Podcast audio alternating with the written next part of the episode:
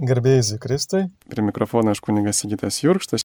Patirtį prisimenu, e, buvo prieš keletą metų, kada mes su seminaristais vedėme rožinį ir tas rožinis buvo toks labai nekoks, mums nekaip pavyko, nes buvo kaip tik prisimenu ir kančios lepiniai, turėjom būti susikaupę ir kažkaip mes atėjom gausiai su seminaristais ir kažkaip iš to tokio susijaudinimo, jaudulio, kad va čia turim radiją įvesti, kažkaip pradėjo toks imti juokas. Žinot, kaip būna kvailas juokas, kada, kada tiesiog jaudinės ir, ir kažkaip tai, na, nekaip jautiesi ir, ir mes netyčia pradėjom vos nejuoktis. Per tą rožinį, per kančios lėpinius ir paskui prisimenu palaidos dar skambino žmonės, klausė, kaip čia yra dabar, kad seminaristai Kristaus kančią taip nepagarbiai apmasto ir paskui ir direktorius perklausė dar tą radio laidą, kas ten tokį įvyko.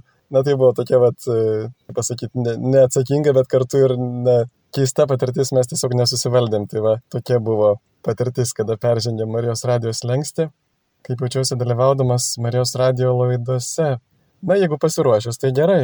Tikrai labai svarbu ateiti pasiruošus ramybėje, kad e, žinotum, kad tu tikrai kažką tokio prasmingo sakai ir, ir galų gale, kad kiti žmonės, kad jie ne veltui savo laiką leistų, bet tikrai kažko prasmingo klausytųsi ir be abejo tam reikia pasiruošti, nes mes ne iš savęs kalbame, kaip ir šventoji dvasiai, sako, kalbės ne iš savęs, bet ką bus išgirdusi.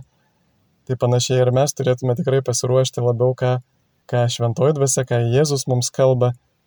Ir kada ateini nepasiruošęs į laidą, tai jausmas tikrai labai nekoks, labai primena mokyklos egzaminus, kada žinai, kad jau štai tuoj tuoj egzaminas ir tu dar nepasiruošęs, dar pritruko vienos nakties. Bet aišku, tai yra maistas tikintiesiems Ir tikrai reikia gero maisto tikintiesiems, kad jie iš tikrųjų galėtų kasdien aukti tikėjime, draugystėje, bendrystėje su viešpačiu, bet tai kartu yra ir tos laidos kaip ir tam tikras jaukas netikintiesiems. Kad e, galbūt tai yra proga evangelizacija, o tikrai per radiją yra tokia proga. E, kada žmogus, pavyzdžiui, važiuoja automobiliu ir ieško muzikos ir staiga atranda kokią nors laidą Marijos radijo. Ir prisimenu, vienas pažįstamas kalbėjo apie jo pažįstamą, kuris dirba servise ir e, minėjo tokį dalyką, kuo jis įstebėjusi, sako, kad mes, nu, kartais iš smalsumo pasižiūrim, kokias radio stotis žmonės yra nusistatę. Tai kai atvažiuoja, atvaža mašina į servisą ir sako, labai dažnai būna Marijos radijas nustatytas. Tai va irgi galbūt čia yra toks kaip ir mitas, kad Marijos radijas yra na, pagyvenusių moterų radijas, babučių radijas, kaip sako draugiškai kai kurie žmonės, bet iš tikrųjų tikrai daug klausys jaunų žmonių ir aš kartais pats nustembu, kaip pavyzdžiui, palaidos e, kas nors iš, e, tikrai ne, ne iš močiučių, bet iš, iš bendramžių, pasako, kad štai vad girdėjom tokią ir tokią laidą, kur kalbėjai. Tai va, tai iš pradžių, na, yra vis dėlto sunku dalyvauti tose laidose, ruoštis, bet, na, vis dėlto netgi ir sunku yra paskui klausyti savęs, kada ypatingai e, kur nors kažkoks ar įrašas, ar vaizdo, ar garso, kai reikia į save žiūrėti arba klausytis, tai tarsi tu matai save iš šalies, visus savo trūkumus, kaip ant delno, kaip matytum kitame žmoguje, ir, bet, na, paskui prisiverti, kad, kad tikrai pastebėtum tos trūkumus. Tai va, maždaug tokia būna savijauta, kai dalyvauja Marijos radio laidose. Na, man atrodo, kad savanoriams yra labai svarbi atmosfera, kaip e, priima, kaip tave priima, pavyzdžiui, Marijos radio darbuotojai tikrai galiu pasakyti, kad tikrai priima su meile, tikrai su šiluma, pasiūlo visą laiką ir arbatos, ir, ir dar ką nors prie arbatos, kokį sausainį. Ir tikrai man atrodo yra svarbu, kad e, tu vis tiek ateini visų pirma ne dėl darbų, bet ateini dėl žmonių. Tie žmonės, kurie priima, man atrodo, čia yra labai didelis, na, jie yra kaip, kaip tas Marijos radijos veidas.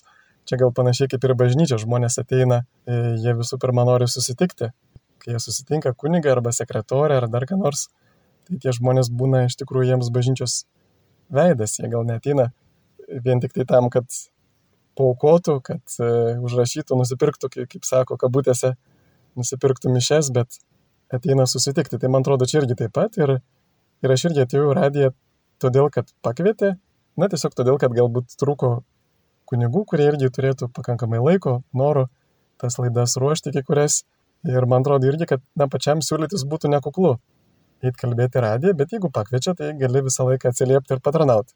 Ir čia man vis prisimena tokie žodžiai iš filmo apie Aleksandrą Menį, e, rusų evangelizuotoją, kuris e, sovietmečiu, kadangi bažnyčia irgi buvo persiekėjama ir tenais, tai sakydavo, kad e, visą laiką turi būti pasiruošęs, kad tada, kai turėsi progą kalbėti ir galbūt netgi turėsi progą kalbėti didesnė auditorijai, kad iš tikrųjų tu turėtum ką pasakyti. Nes sako, va dabar mes sovietmečiu neturim progos kalbėti, bet kokia būtų tragedija, jeigu mes turėtume progą kalbėti ir neturėtume ką pasakyti. Na va, tai man atrodo, kad irgi ta savanorystė labai augina mane patį, kad neskatina domėtis, skatina pačiam aukti, semtis žinių, mokytis. Čia gal panašiai aš prisimenu, kai mokiausi groti gitarą, aš tikrai niekada nebūčiau išmokęs groti gitarą, jeigu nebūtų reikėję patarnauti parapijai. Ir kadangi reikia groti kitiems, tada mokysi, nes pačiam tikrai daug mieliau būtų įsijungti kokį nors garsų įrašą ir pasiklausyti kokį nors profesionalaus muzikanto, negu valandas sėdėti ir brazdinti. Tai va, bet, bet kada reikia tarnauti kitiems, tu išmoksti ir, ir tada tokiu būdu tu pats augi ir tampi laimingas, kad gali būti reikalingas kitiems, kad gali išskleisti savo talentus. Tai turbūt kiekvienas žmogus trokšta būti reikalingas, na kažką gero kitiem padaryti. Ir tai yra tikrai nuostabu, kada tavo talentai kažkam yra reikalingi ir, ir tada turi tokį kaip ir motivaciją, įkvėpimą tos talentus dar labiau ugdyti, plėtoti. Bet aišku, yra toksai iššūkis turbūt, man atrodo, gal du tokie iššūkiai. Tai vienas dalykas tai yra atrasti laiko pasiruošti, kad tas kalbėjimas tikrai jisai neteiks malonumą nei pačiam, nei kitam, kai, kai būsi nepasiruošęs. Ir kartais tikrai kokybiškai laidai paruošti tikrai reikia labai daug. Aš prisimenu, pavyzdžiui, kad ir katechezės laidas, kai anksčiau ruoždavusi, tai pavyzdžiui, vienai laidai reikėdavo pasiruošti apie 10 puslapių teksto ir vieną puslapį vis tiek kokią valandą kartais reikia ruoštis, na tai va, gali ir tiek užtrukti tas pasiruošimas vienai paprastai laidai. Tai va čia vienas dalykas, kad visą laiką atrasti laiko, gerai pasiruošti kokybiškai. Ir antras, man atrodo, ne ką mažiau svarbus iššūkis, tai yra tavo dvasinė būsena to įrašo metu. Nes, na, pavyzdžiui, aš pats puikiai žinau, kad kas mane erzina, kada klausausi kitų įrašų. Tai pavyzdžiui, kada vedėjas sako, e, o, mm, a, visokie tokie, na, nerišli kalba, pavyzdžiui, taip. Na, aš pats irgi linkęs labai greit kalbėti, man sunku sustoti. Taip pat perdėtas emocingumas kažkoks, tai nenatūralus kalbėjimas. Ir ypatingai, kas mane erzina, tai neramumas.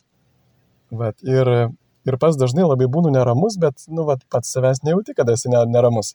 Ir čia dažnai va tokia pagunda susitelkti turinį, kad e, svarbu, kad protingai pašnekėtum kažką tai tokio, kas, kas būtų reikalinga kitiems, bet kartais net nepagalvoji, kad e, jeigu tu kalbėsi neramiu balsu, tai žmogus susierzins ir tuo pat išjungs tą tavo turinį ir jo negirdės. Tai va, man atrodo, kad e, tikrai yra tas nemenkas iššūkis štai ne tik tai gal negalvoti, kažkaip neišsigasti, prie to tai tikrai pripranti, bet, bet daug didesnis iššūkis yra tai nuolat išlaikyti tą kokybę, tikrai ramiai pasiruošti. Ir dar didesnis iššūkis tai būtent ateiti su tokia, su vidinė ramybė, na, kad kaip ir Jėzus neveltui sakė, kad kas su manim nerenka, tas barsto. Tai aš galiu turėti labai išmintingo teksto, bet jeigu nebūsiu tuo metu vienybėje su Jėzumi, o jeigu man labiau rūpės kažką protingai pasakyti, negu kad vienybėje su Jėzumi pasakyti, tai gali ir iš to nebūti jokių vaisių. Na taip, Marijos radio klausausi, e, ypatingai stengiuosi kasdien išgirsti Dievo žodžio laidą, nors aišku, galėtų išeiti anksčiau, kada iš ryto, pavyzdžiui, meldėsi. Taip pat e, stengiuosi visą laiką paklausyti ir galestingumo vainikėlių ir, na, rožinio maldas dažniausiai prasisiunčiu, kad galėčiau tada melstis rožinį, kada yra tam laikas dienotvarkėje. Ir taip pat e, Labai man patinka, pavyzdžiui, Bronis Gudaitytės, dvasinė ekologija, laida Gyvybės medis, kitos laidos. Iš tikrųjų yra daug tokių ne, neatrastų laidų ir vis neprisiruošiu jų atrasti, bet tikrai yra labai tokių, na bent jau pavarčius pavadinimus, tai norėtųsi ten bent jau pusę arba trečdalį programos perklausyti. Bet va turbūt pagrindinis dalykas yra kaip, na, kaip tame visame bėgime turėti po ranka tuos Marijos radio įrašus arba, arba pačiai, patį radiją kunigams, man atrodo, irgi yra pagunda sakyti, ai, tai aš jau žinau, pavyzdžiui, čia kokia nors tema bus apie švenčiausią sakramentą, nu tai jau žinau, seminarijų mokėmės, viskas aišku, bet e, realiai tai kiekvieną laidą, kada ją paklausai, tada atrandi labai daug dalykų, kurių nežinojai. Tai vad kunigui turbūt reikia peržengti tą savo tokį intelekto puikybę ir suprasti, kad tikrai kiekvienoje, kiekvienoje laidoje bus dalykų, kurių tu nežinai ir iš kurių būtų labai naudinga pasiklausyti. Man asmeniškai dar labai svarbu, klausantis radio, toksai tikslingumas, na, kad klausytis ne bet ko, aišku, kartais kai skubi. Tai labai gerai, kai, kai tiesiog bet ko klausaisi, kad negaištum laiko ieškodamas, bet, bet kad, kad domėčiausi tais dalykais, kurie, na, iš tikrųjų kryptingai, kurių ieškau.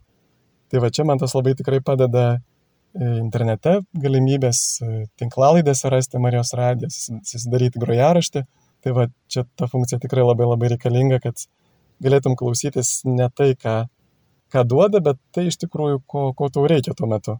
Na, bet ir be abejo, ir kunigams gali būti irgi, kaip ir kiekvienam žmogui, sunku su laiku atrasti laiko tam klausimus ir, ir čia, man atrodo, ypatingai svarbu yra, kada gali vairuodamas klausytis Marijos radio, tai čia turbūt gal didesnė dalį, kada klausausi radio, tai būtent už vairo ir, ir tikrai, nes prie vairo nelabai gali ten kur nors ieškoti, knystis ir nusistatinėti, tiesiog reikia čia ir dabar tai man atrodo yra apskritai kaip Marijos radijo dovana ir kaip radio dovana štai tuo laiku e, užpildyti tą laiką prasmingai. Na, pavyzdžiui, kiek tenka matyti vyresnio amžiaus žmonės, ypatingai ligonius, jiems Marijos radijas yra iš tikrųjų, na, jie sako, pražūčiau be Marijos radijo. Jie tikrai yra ištikimiausi galbūt klausytojai, daugelis ištisai klausosi nuo ryto iki vakaro. Būna žmonių, pavyzdžiui, per išpažintis, kai paklausiu, ar galbūt klausosi Marijos radio ir dažnas sako, na, sako, aš pažiūriu per televizorių ir kartais tie žmonės net netranda, kad štai per televizorių tu gali mišes pažiūrėti tik tai kartą per savaitę, o per Marijos radiją gali klausytis visą parą. Tai iš tikrųjų, man atrodo, yra svarbu ir būti atradus Dievą ir jo ieškoti. Bet tie žmonės, kurie jau yra Dievo pagauti, prie kurių Dievas yra prisilietęs ir jie ieško tokio dvasinio maisto, tai tikrai radijas, kada tu gali klausytis, nevarginti akių, yra labai nuostabus dalykas ir kartais labai gaila, kad pavyzdžiui ir kokiuose nors globos namuose, va pavyzdžiui viena mano pažįstama mačiutė į prienų globos namus turėjo išvažiuoti ir ten to radio nesigirdi. Ir žmonėms, kuriems, vyresnio amžiaus žmonėms, kuriems radijas yra visas gyvenimas, ir jo negirdėti yra baisiai, baisiai didžiulis nuostolis jų sielai. Ir, ir va irgi galvoju kartais, kaip, kaip pavyzdžiui atras būdą, kad, pavyzdžiui, seneliai galėtų klausytis, kurie neįvaldė išmanių technologijų, kaip jie galėtų klausytis radio ten, kur, pavyzdžiui, nėra to radio. Taip pat e, turbūt radijas labai svarbus yra e, vienišiems žmonėms, na, panašiai kaip ir televizorių žmonės žiūri, irgi ne tik tai todėl, kad kažką tenais įdomaus pamatytų, bet, na, tai yra tarsi buvimas, toks įsivaizduojamas buvimas su kitais žmonėmis, kada tu, pavyzdžiui, esi senas, vienišas, esi savo namuose ir tu nori kitų žmonių artumo ir, ir štai va, kai girdi kito žmogaus balsą, tu nebejauti tos vienatvės ir, ir tas iš tikrųjų vyksta Marijos radijoje netgi ir realių dvasinių būdų, pavyzdžiui, kada mes melžiamės kartu su kitais, kada kartu dalyvaujame mišiuose, kad ir per radiją mes iš tikrųjų vienėmės. Mes esame ne vieni, bet kartu su kitais ir bažnyčia tam ir įkurta, kad būtų tos vienybės sakramentas, kad įsipildytų tie Kristaus žodžiai, kad tegul visi bus viena. Ir man atrodo, kad va štai čia radijas gal net dar, dar geriau negu televizija, pavyzdžiui, kad ir pasaulietinė televizija mums būtent pasotina tą tokį troškimo priklausyti, troškimo būti kartu su kitais, bendrystės jausmą, nes tikrai prisimenu, kada buvo, pavyzdžiui, vienas sunkus momentas gyvenime, e, galvoju apie artimo žmogaus mirtį ir tada tikrai buvo labai svarbu įsijungti radiją, kad tu galėtum likti ne vienas, bet melstis kartu su kitais. Ir be abejo, na, kad ir tos televizijos gali visą dieną klausytis, žiūrėti, bet visą laiką toks ateina tuštumo jausmas, o štai čia tik tai Dievas gali pasotinti tos mūsų giliausius troškimus. Na, be abejo, e, žmonės klausosi, kaip ir minėjau, tada, kai pavyzdžiui, važiuoju automobiliu, kada dirba kokį nors monotonišką darbą, tai tuo pat metu gali pamaitinti ir, ir savo sielą, savo protą, ir, ir, ir kažkokius paprastus darbus nudirbti. Visgi manau, kad labai daug žmonių grupių yra, kurios įsijungia Marijos radiją, galbūt ir nes, nesigirdamas, kad galų galia aš netgi galvoju ir apie tos žmonės, kurie, pavyzdžiui, galbūt yra savo artimoje aplinkoje, na, turi tokius ne, nedraugišką tikėjimų aplinką, kur jiems, pavyzdžiui, maitinti tą tikėjimą, jeigu ne, ne pavyzdžiui, per Marijos radiją, kada gali klausytis kur nors per ausines arba vienas važiuodamas, kur niekas negirdi, niekas tavęs neišjuoks už tai, Ir tai yra irgi būdas auginti savo, savo tikėjimą. Marijos radijas man tikrai labai padeda kartu melstis. Apskritai, bet koks garsų įrašas, ypatingai, kada esi, pavyzdžiui, labai pavargęs, arba tiesiog, kada esi išsiblaškęs dėl įvairių rūpeščių, darbų, tai labai gerai yra tas toksai garsų įrašas, arba girdėti maldą, kad e, padėtų neišsiblaškyti. Aš prisimenu, man dažnai būdavo, pavyzdžiui, asmeniškai, kada bandydavau pasimelsti rožinį, man užtrukdavo kartais valandą, kai rožinis trunka paprastai pusvalandį ar dar mažiau kartu su kitais. Tai va tas meldimasis kartu su kitais tikrai padeda labai susikaupti. Daug esi girdėjęs tokių pastabų, kad e, juos labai erzina klausytis maldų per Marijos radiją. Ir keista, bet aš ir pats kartais va tokią būseną patiriu, kada įsijungi radiją ir, ir staiga tas vedančio žmogaus balsas pradeda baisiai erzinti. Tiesiog norisi kuo greičiau išjungti radiją. Bet pastebėjau ir tokį dalyką, kad jeigu ištveriu, tai tas praeina. Ir atrodo veda tas pats žmogus su tuo pačiu balsu, tą pačią valandą, bet jau niekiek neberzina.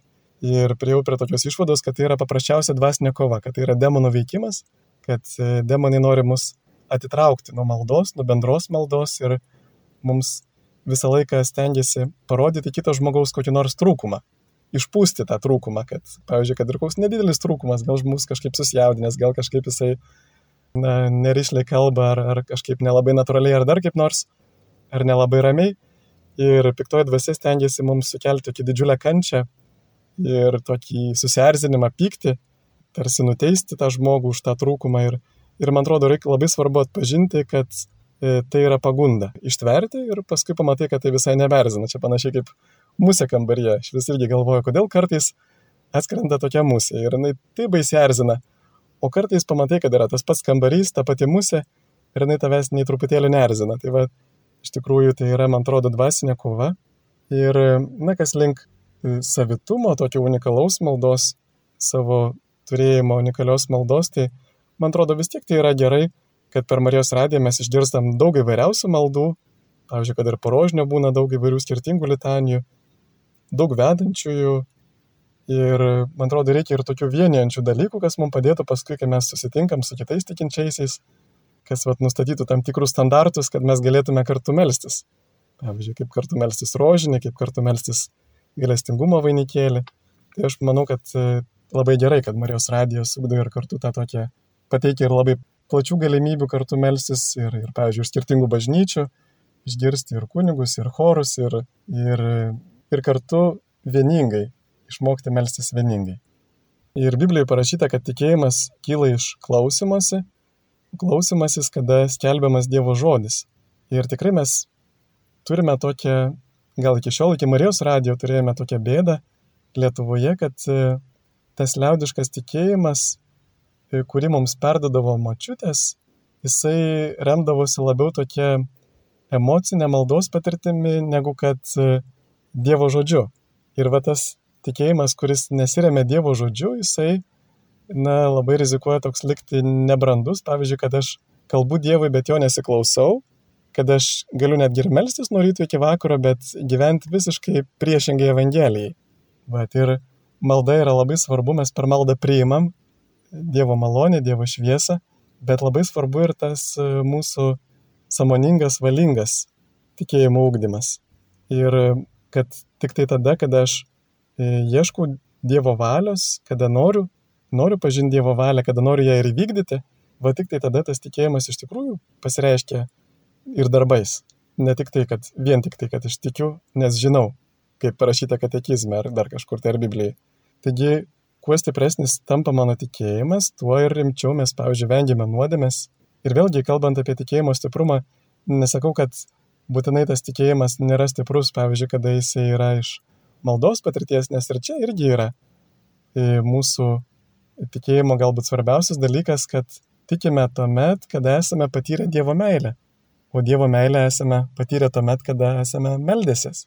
Tai va todėl tikėjimo stiprumas mums padeda na, vengti nuodėmės, kovoti, tai daryti gerą, neapsileisti, nes e, tikrai Biblija kalba ne tik tai apie tai, apie teismą tiems žmonėms, kurie, pavyzdžiui, padarė nuodėmės didelės blogus darbus, sunkės nuodėmės, bet lygiai, lygiai taip pat kalba ir apie teismą tiems, kurie nieko nepadarė, kurie galėjo padaryti gerą, bet nepadarė. Va čia ir skaitom ir Jokūbo laiškė, kas moka daryti gerą. ir nedaro, tas nusideda ir skaitom ir Mato Evangelijos pabaigoje, 25 skyriui, kad kur rašoma, kad ką padarėt vienam iš mažiausių, man padarėte, o kurie nieko nepadarėt iš mažiausių, tai tiems e, į pragaro ugnį kartu su, su velniu ir jo angelais. Taigi mes matome, kad na, tikrai reikalingas ne šiaip savo tikėjimas, bet tikrai brandus tikėjimas ir toks, kuris iš tikrųjų remiasi Jėzaus žodžiu, Jėzaus valia, Dievo valia. Ir dar matau irgi tokį pavojų, kad ir klausantis Marijos radiją, kad ir pamaitinant ir savo širdį ir protą, vis dėlto nesuvirškinti arba net nesukramtyti to, ką mums duoda Marijos radijas. Nes, na, pavyzdžiui, kad ir aš labai daug dalykų sužinočiau apie savo tikėjimą ir aš manau, kad tikrai, pavyzdžiui, mačiutė, kurie klausosi Marijos radijo nuo ryto iki vakaro keletą metų, jinai turi daugiau žinių už, pavyzdžiui, kunigą, kuris e, mokėsi šešis ar septynis metus seminarijai. Bet tos žinios jos nieko nekeičia, jeigu mes jų neįgyvendinam. Va čia tas pats kaip su, su šventuoju raštu dažnai paklausė žmogaus, ar, skait, ar skaitote šventą raštą. Na, sako, turiu.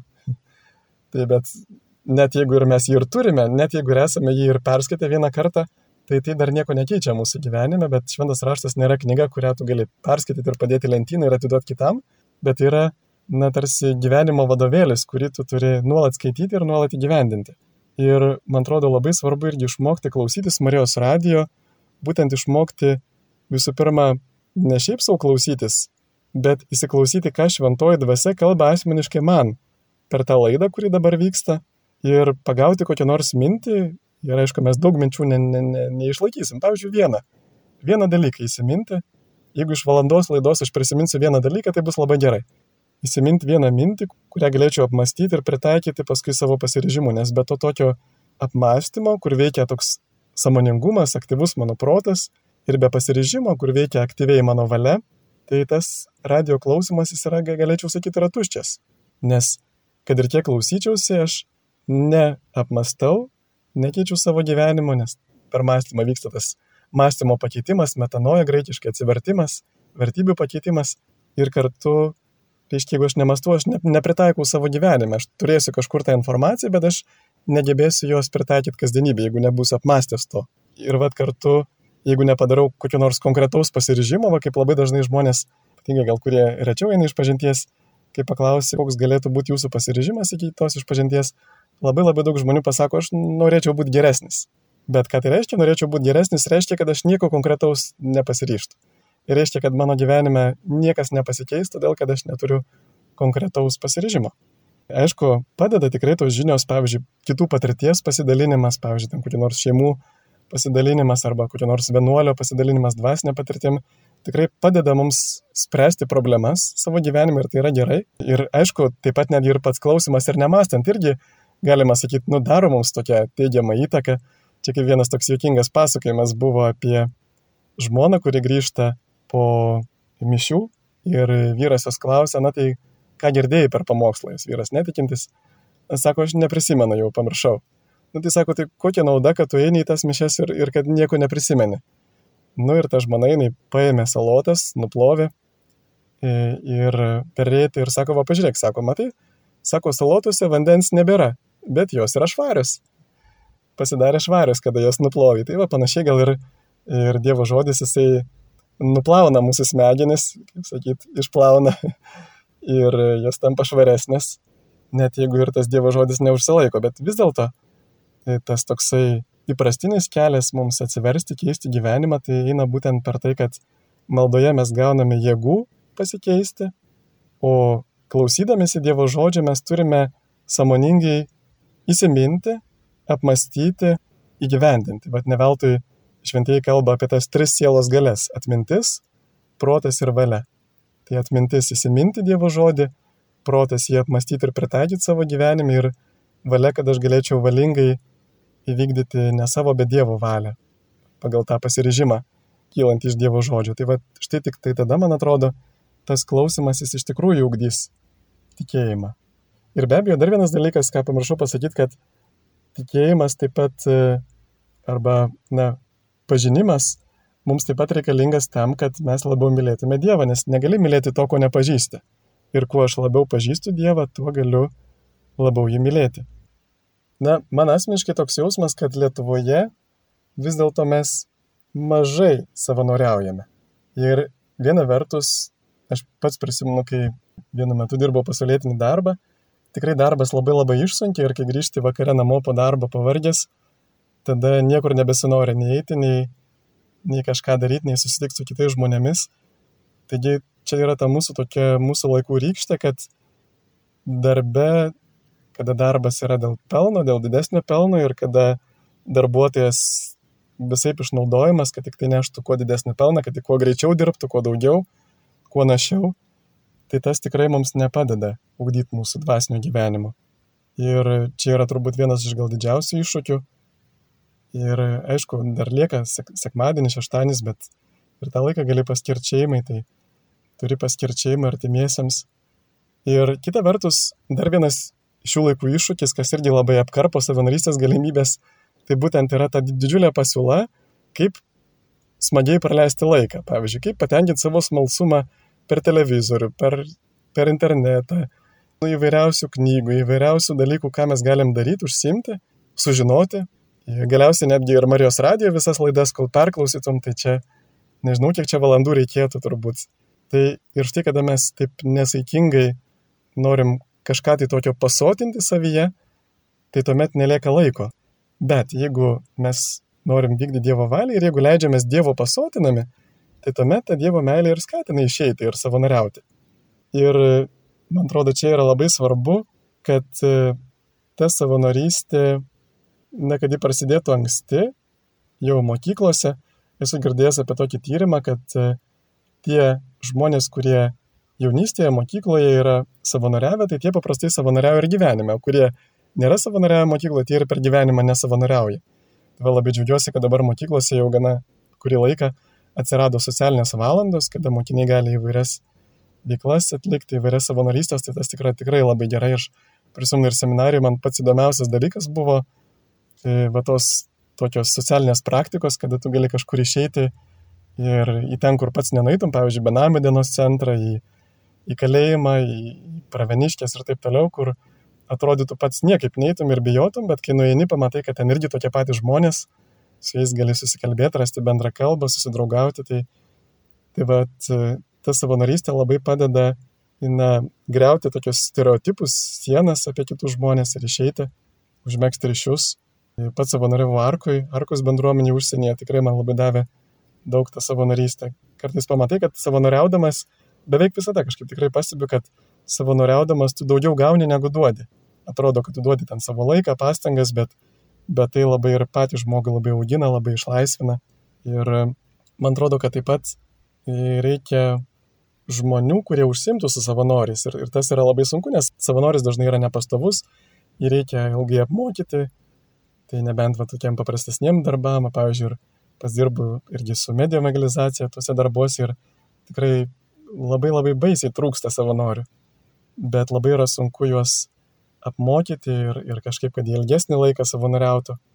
Tai man atrodo, kad vis dėlto tikrai yra didelis iššūkis savanorystė ir, ir kažkokiu tai būdu, man atrodo, jeigu jaunimas, kuris dar turi daug energijos, daug laiko, jeigu jis paragauja tos savanorystės džiaugsmą, tai tuomet tas gali paskatinti ir toliau iki pat senatvės savanoriauti. Bet kita vertus, manau, kad drąsinčiau ir senus žmonės. Pavyzdžiui, tikrai labai džiaugiuosi, kai Marijos radijoje dažnai atrandu pavyzdžiui, pensinio amžiaus seniorų, kurie pasitinka maloniai visą laiką su šypsena lankytojus ir taip toliau. Tai man atrodo tikrai, kad niekada nėra vėlų savanoriauti ir, ir tas tikrai teikia labai didelį džiaugsmą ir, kaip jau anksčiau minėjau, kad teikia tokį išpildymą, tam reikalingas kitiems. Nes labai dažnai e, tuos talentus, kuriuos tu turi, už juos negausi atlyginimo.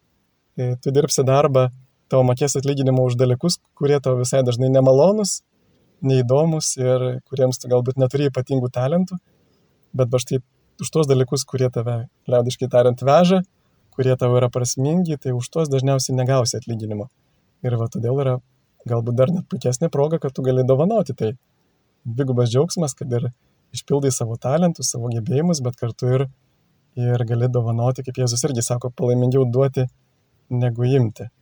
Man atrodo, kad, kaip ir minėjau, ir nuovargis yra ir tų veiklų pasiūla, bet visų pirma, man atrodo, kad e, kas labai galėtų padėti, tai būtent, va, kaip mačiau užsienyje, yra tokie mentoriai, tai yra žmonės, kurie turi patirties, pavyzdžiui, yra kokius nors arties specialistai, bet jau jie e, baigė savo profesinę karjerą ir jie paprasčiausiai savanoriauja ir palydi kitus žmonės, padeda kitiems, pavyzdžiui, ateiti į parapiją, kažką gero daryti. Ir va dažnai kunigai, kai jie turi rūpintis daugeliu grupelių, daugeliu veiklų, stogais ir panašiai, jie neturi galimybės priimti, palidėti tų savanorių. O žmonėms labai labai reikia, na, kad žmogus savanoris ne, nesijaustų išnaudojamas, jam labai svarbu, kad jis sulauktų ne tik tai darbų sąrašo, bet kad ir irgi asmeninio dėmesio, kad, kad jis yra vertinamas kaip žmogus. Ir štai, man atrodo, labai reikia tokių žmonių, kurie turi patirties, kurie jau yra, turi laiko ir kurie galėtų va, taip lydėti kitus, tiek parapijai, tiek organizacijose, tiek tam pačiam Marijos radijoje, kurie galėtų va, tiesiog visą laiką dovanoti savanoriams, su jais užsiimti, juos apmokyti, nes irgi vėl daž, labai dažnai, pavyzdžiui, savanoris turi apmokyti specialistas, kuris pats yra darbuotojas, kuris pats turi labai daug darbų. Tai va štai, man atrodo, tie mentoriai galėtų labai labai suaktyvinti tokią savanorystę bendruomenėse. Ir taip pat, aišku, reikalinga labai sveika bendruomenė, nes kad ir tikrai reiktų pripažinti, kad ir mes krikščionis, mūsų krikščioniškos bendruomenės neretai turi daug tokio, nu, yra dvasiškai sergančios, kaip ir kiekvienas iš mūsų turbūt turim daug tokios puikybės, valdingumo, visokių apkalbų būna ir panašiai. Ir va, tikrai turi būti labai labai tokia brandi bendruomenė, kad žmogus atėjęs jis galėtų aukti, bet, bet ne, nebūtų žalojamas tos bendruomenės aplinkos ir man vis kažkaip prisimena vieno tokio verslininko žodžiai, kurie tikrai nėra pagirimas gal bažnyčiai, bet toks buvo vienas stambus verslininkas, kaip e, liudijo tokį dalyką, kad sako, na, štai, kai mes kur nors su, su verslu kažką turim susitarti, tai, tai sako, na, viskas labai paprastai, konkrečiai aiškiai susitarėm ir viskas, bet sako, kai reikia su bažnyčia, ką nors susitarti, tai sako, būna košmaras. Tai iš tikrųjų mes tą pastebime, kad bažnyčia yra iš tikrųjų dvasinės kovos laukas. Ir šetonas labai stipriai veikia bažnyčios žmonės, bažnyčios tarnautojus, kunigus, visus, kurie yra bažnyčioje, kurie yra bažnyčios veidas. Ir mes turime išmokti vat, atpažinti tą šetono veikimą, kuris jau gundo mus, pavyzdžiui, pasipikuoti, apkalbėti, šmeišti, siekti valdžios ir panašiai.